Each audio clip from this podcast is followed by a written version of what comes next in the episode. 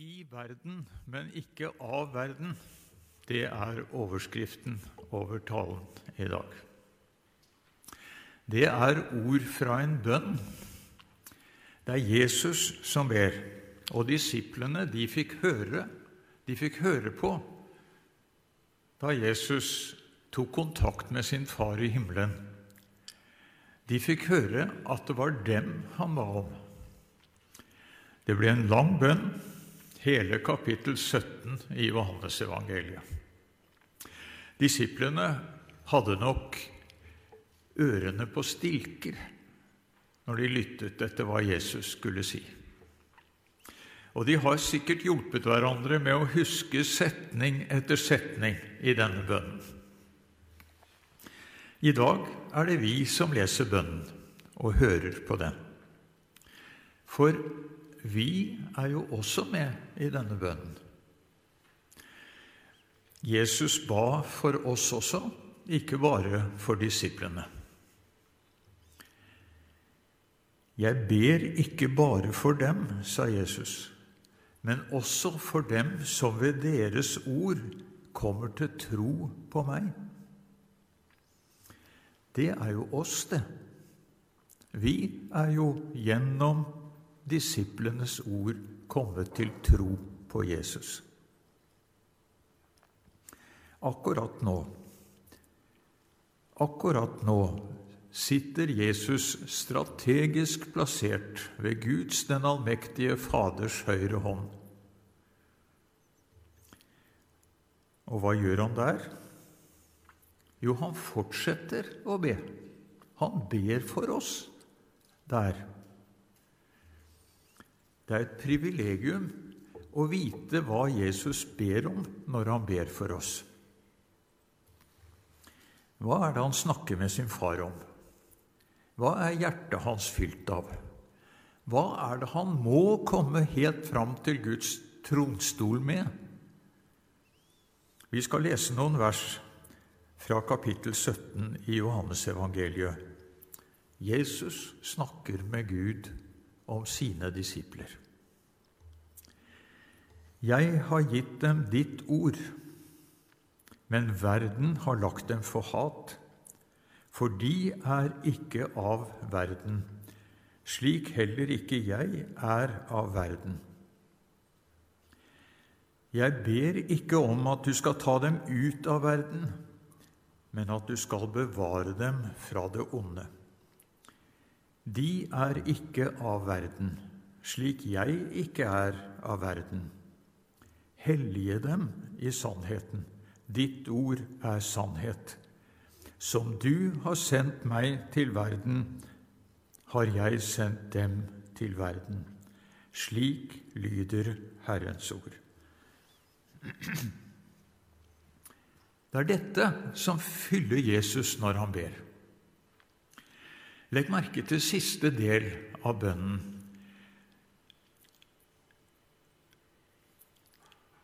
Som du har sendt meg til verden, slik har jeg sendt dem til verden. Vi må derfor utvide temaet vårt i dag til verden, i verden, men ikke av verden. I akkurat denne bønnen er verden den store fienden men i det samme evangeliet leser vi så høyt har Gud elsket verden. Dermed er vi inne i noe som skjelver i Jesu hjerte. Vi får et møte med Guds ubesvarte kjærlighet. Jesus var i verden og verden er blitt til ved ham, men verden kjente ham ikke, står det. Han kom til sitt eget, men hans egne tok ikke imot ham. Vi tror på Gud Fader, den allmektige, himmelens og jordens skaper. Verden er Guds skaperverk. Han holder den ved like hvert sekund Men denne verden trenger en frelser. Og Jesus kom for å gi sitt liv for å frelse verden. I denne bønnen så venter Jesus at verden skal legge disiplene for hat. Han er forberedt på det verste, og han forbereder disiplene på det verste. Jeg tror ikke at verdens hat bestemmer hverdagen for de fleste av oss. Jeg tror de fleste av oss heller må si at vi blir møtt med respekt, med noen unntak. Respekt er ikke ukjent i Det nye testamentet heller. Legg merke til pinsedagen, da 3000 mennesker ble lagt til menigheten. Der står det de sang og lovpriste Gud og var godt likt av hele folket, og hver dag la Herren til nye som lot seg frelse. Og Paulus følger opp dette. Han skriver Be for konger og alle i ledende stillinger, så vi kan leve et stille og fredelig liv med gudsfrykt og verdighet i alt. Dette er godt, og det er noe Gud, vår Frelser, gleder seg over, skriver Paulus. Alt som er sant og edelt, rett og rent, alt som er verdt å elske og akte, alt som er til gleder for Gud, alt som fortjener ros, legg vind på det. For de fleste av oss så er nok hat og forfølgelse et fjernt bulder. Vi har det ganske idyllisk i dette landet. Men det kan godt ligge der som en uro hos oss. Er vi stort sett godt likt fordi vi er så beskjedne på evangeliets vegne? Blir folk frelst ved vår beskjedenhet? Ja, kanskje. Eller kanskje ikke. Jesus vet at det kan komme perioder med hat mot de kristne og vi merker pulsen i Jesu bønn. Jeg ber ikke om at du skal ta dem ut av verden, men at du skal bevare dem fra det onde. Hvorfor er det noen som hater de kristne? La oss ta litt tid til å tenke på det. Hvem er det som hater oss? Hvem er det som hater kristne rundt omkring i verden? Vi vet jo at det skjer, også i vår tid. Gjennom historien så har totalitære stater lagt kristne for hat. Fordi det er noen stater som vil ha full kontroll over alle innbyggere. Kontroll over hva vi tenker og mener og sier. Da er det ikke rart at de ikke tåler kristne. For vi setter jo Gud høyest. Vi vil lyde Gud mer enn mennesker.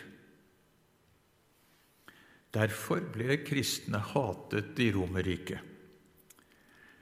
Keiseren forlangte at alle skulle tilbe ham og sette ham høyest. Og så var det sånn at bare de gjorde det, så kunne de tro og tenke hva de ville.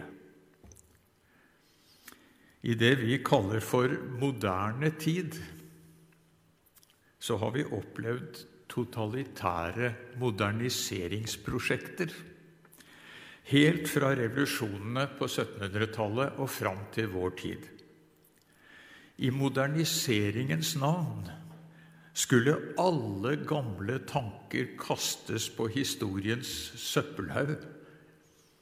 Og så skulle kommunistene bygge opp det klasseløse samfunn med flertallets diktatur.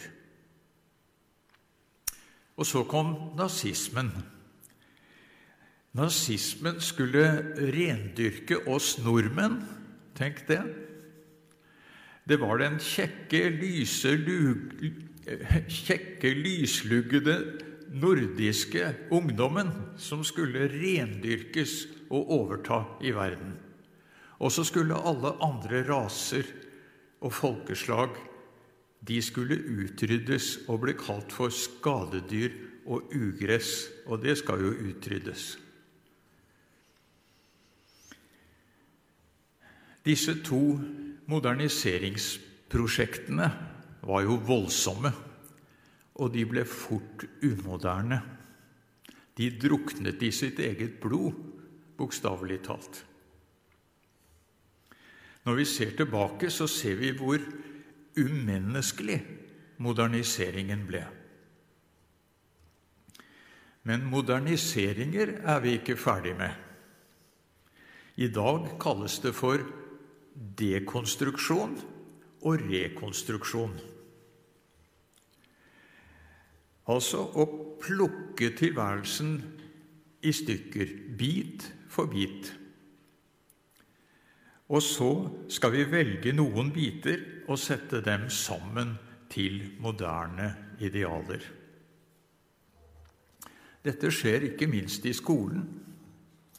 Skolene er stedet for å dyrke fram moderne mennesker.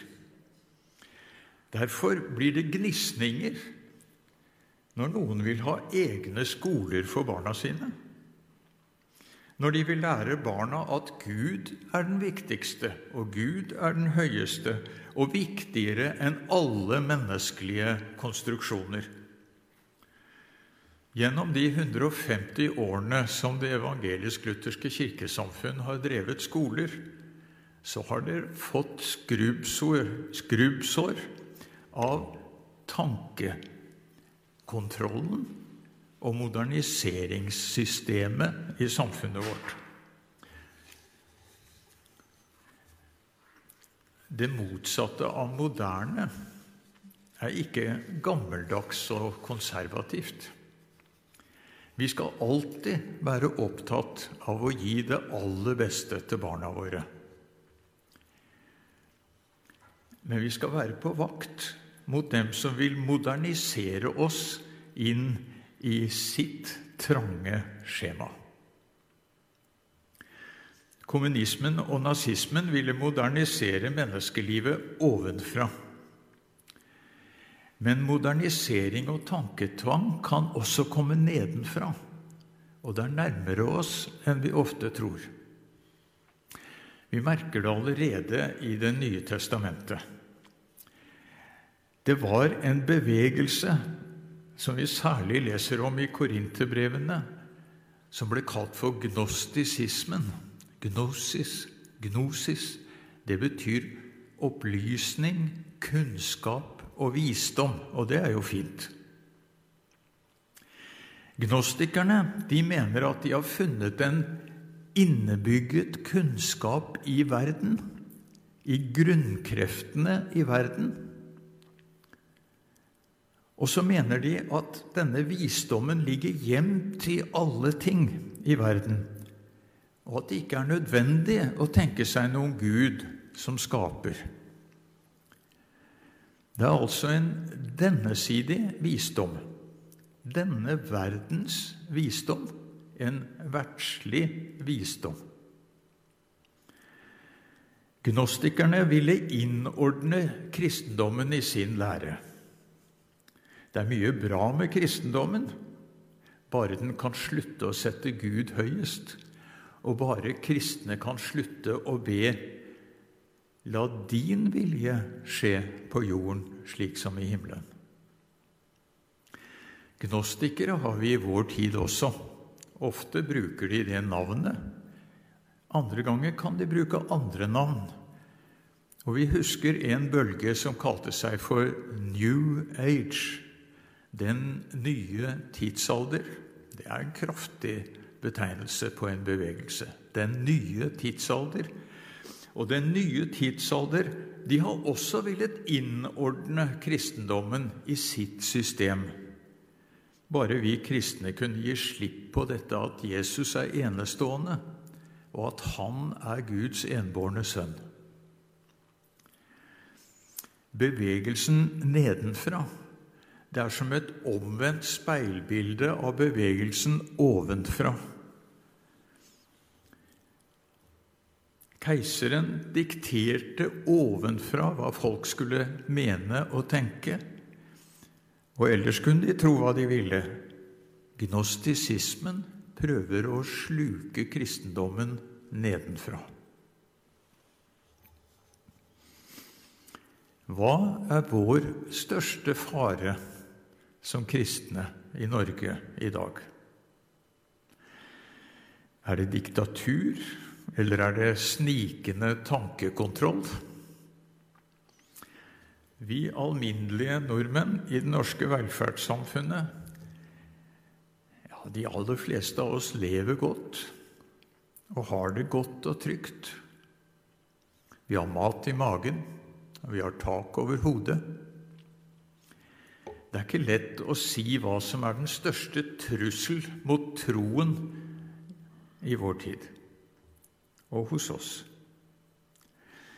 Men la meg nevne én fare som kanskje er den aller farligste forbrukersamfunnet. Smak på det ordet forbrukersamfunnet. Sett i forhold til alle som sulter i denne verden, så er forbrukersamfunnet menneskefiendtlig. Når systemet er slik at vi skal handle mer og mer og bruke mer og mer for at maskineriet skal fungere i dette landet, ja, da er det noe som er grunnleggende galt. Jesus sa til disiplene, 'Sannelig, jeg sier dere:" Det er vanskelig for en som er rik, å komme inn i himmelriket. Når Jesus sier 'sannelig', da er det noe som er viktig for ham. Dette er viktig, og Paulus følger opp dette og skriver til Timotius.: De som vil bli rike Vi er noen stykker. De som vil bli rike, faller i fristelser og snarer og gripes av mange slags tåpelige og skadelige begjær som styrter mennesker ned i unegang og fortapelse. For kjærligheten til penger er roten til alt ondt. Drevet av den er mange ført vill bort fra troen og har påført seg mange lidelser. Det er farlig å være rik. Jesus fortalte om den rike mannen og den fattige Lasarus. Og det er én setning i den fortellingen som skremmer meg.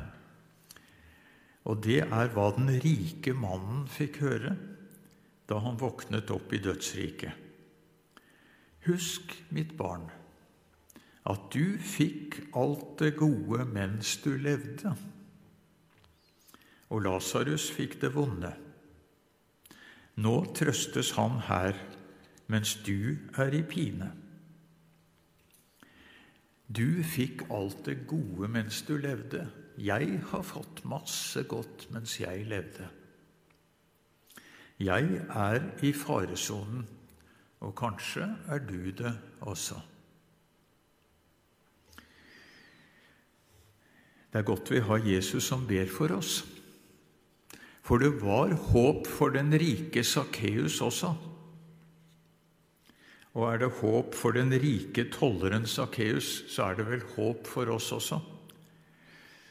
Men Sakkeus forsto etter hvert at han måtte gjennom en ganske kraftig omvendelse.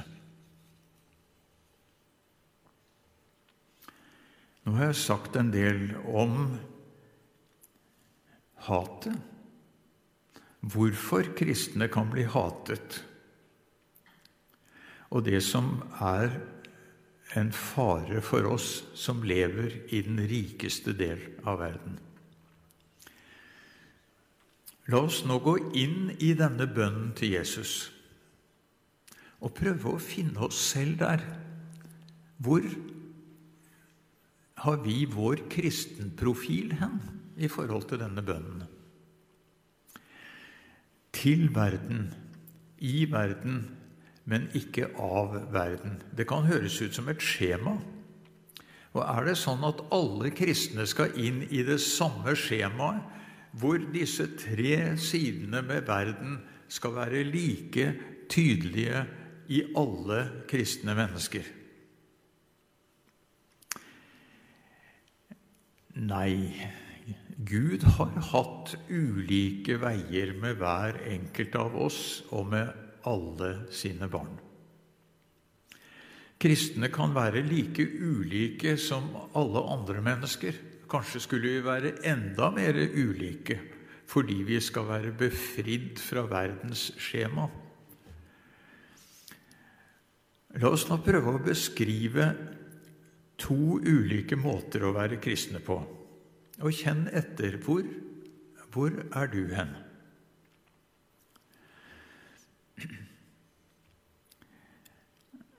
Ikke av verden, kan vi si er til venstre. Og i verden kan vi si er til høyre. Vi skal være i verden, men ikke av verden. Til venstre handler det om oppbrudd, om oppbrudd. Mitt hjem er i himmelen, i verden er jeg en fremmed. Til høyre handler det om tilhørighet. Jeg kjenner meg hjemme i Guds skaperverk. I Salme 22 og 23 så ser vi denne spennvidden. I Salme 22 så lyder ropet Vær ikke langt fra meg, nøden er nær. Og i Salme 23 så lyder det Herren er min hyrde, jeg mangler ingenting. Til venstre synger vi Eg er ein gjest i verda, og vi synger med lengsel. Til høyre synger vi Måne og sol, skyer og vind og blomster og barn skapte vår Gud. Vi synger med takknemlighet. Til høyre har vi et åpent hjem for gode naboer. Til venstre har vi et kloster med høye murer. Til høyre verdsetter vi deltakelse i lokalsamfunnet. Vi er rimelig godt kledd, ikke prangende og ikke sjuskete. Til venstre har vi vår egen skole og barneoppdragelse og vår egen klesstil, enten det er munkekappe eller lange skjørt. Til høyre lever vi i en trygg familiekristendom og har en katekisme som handler om hverdagen. Til venstre drar vi på retreat med tilbaketrekning og stillhet. På venstresiden er overskriften 'Pilegrim', om å føle seg fremmed i verden. Og til høyre er det hverdagskristendom om å føle seg hjemme. Hvor er du hen imellom de to? Kanskje blir det ulike kristenprofiler i ulike samfunn.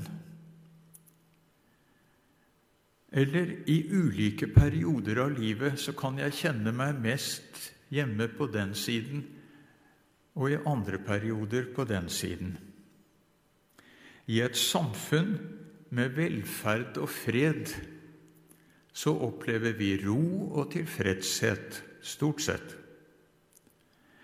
Men når samfunnet preges av nød og konflikter, så kjenner vi tap, vi kjenner underskudd, og vi kjenner savn.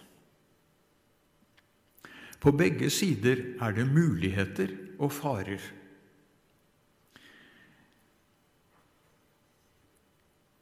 På venstre side, oppbruddets side, der er det mulighet for misjon. At noen bryter opp, går over en grense og forkynner evangeliet. Faren hvis man rendyrker denne siden av kristentroen, det er at det blir verdensflukt og verdensforakt, og at vi glemmer at det er Gud som er verdens skaper. På høyresiden er det mulighet for samfunnsansvar og samfunnsbygging. Faren er at vi tilpasser oss verdens forbruk.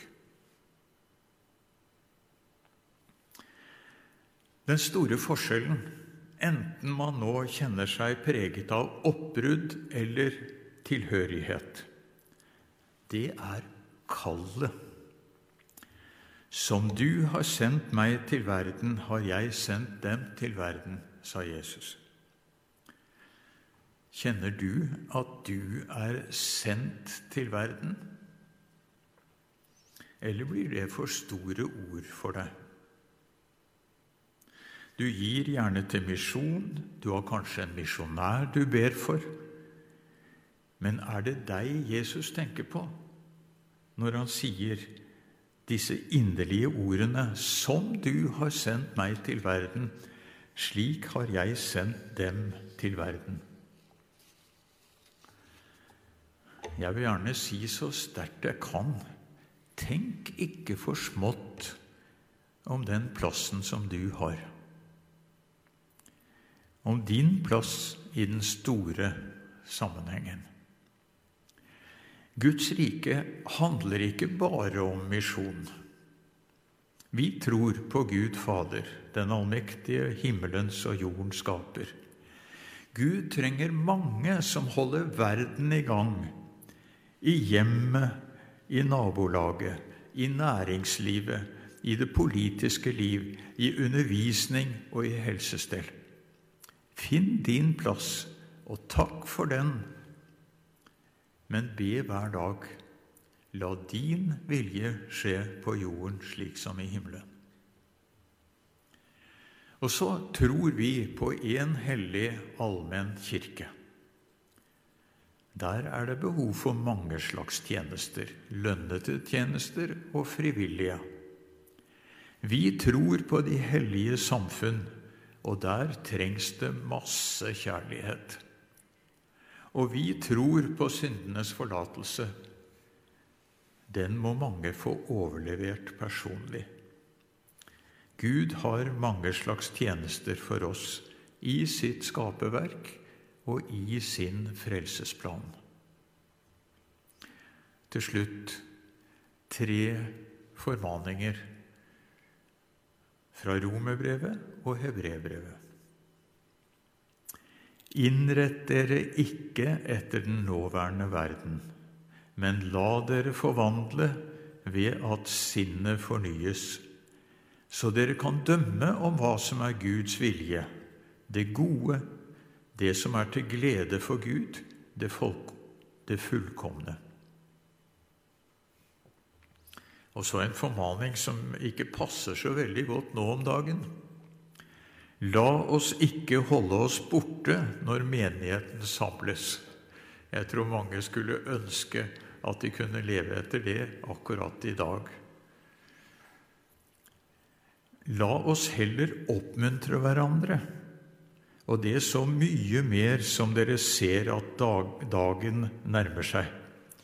La oss ha omtanke for hverandre, så vi oppgløder hverandre til kjærlighet og gode gjerninger.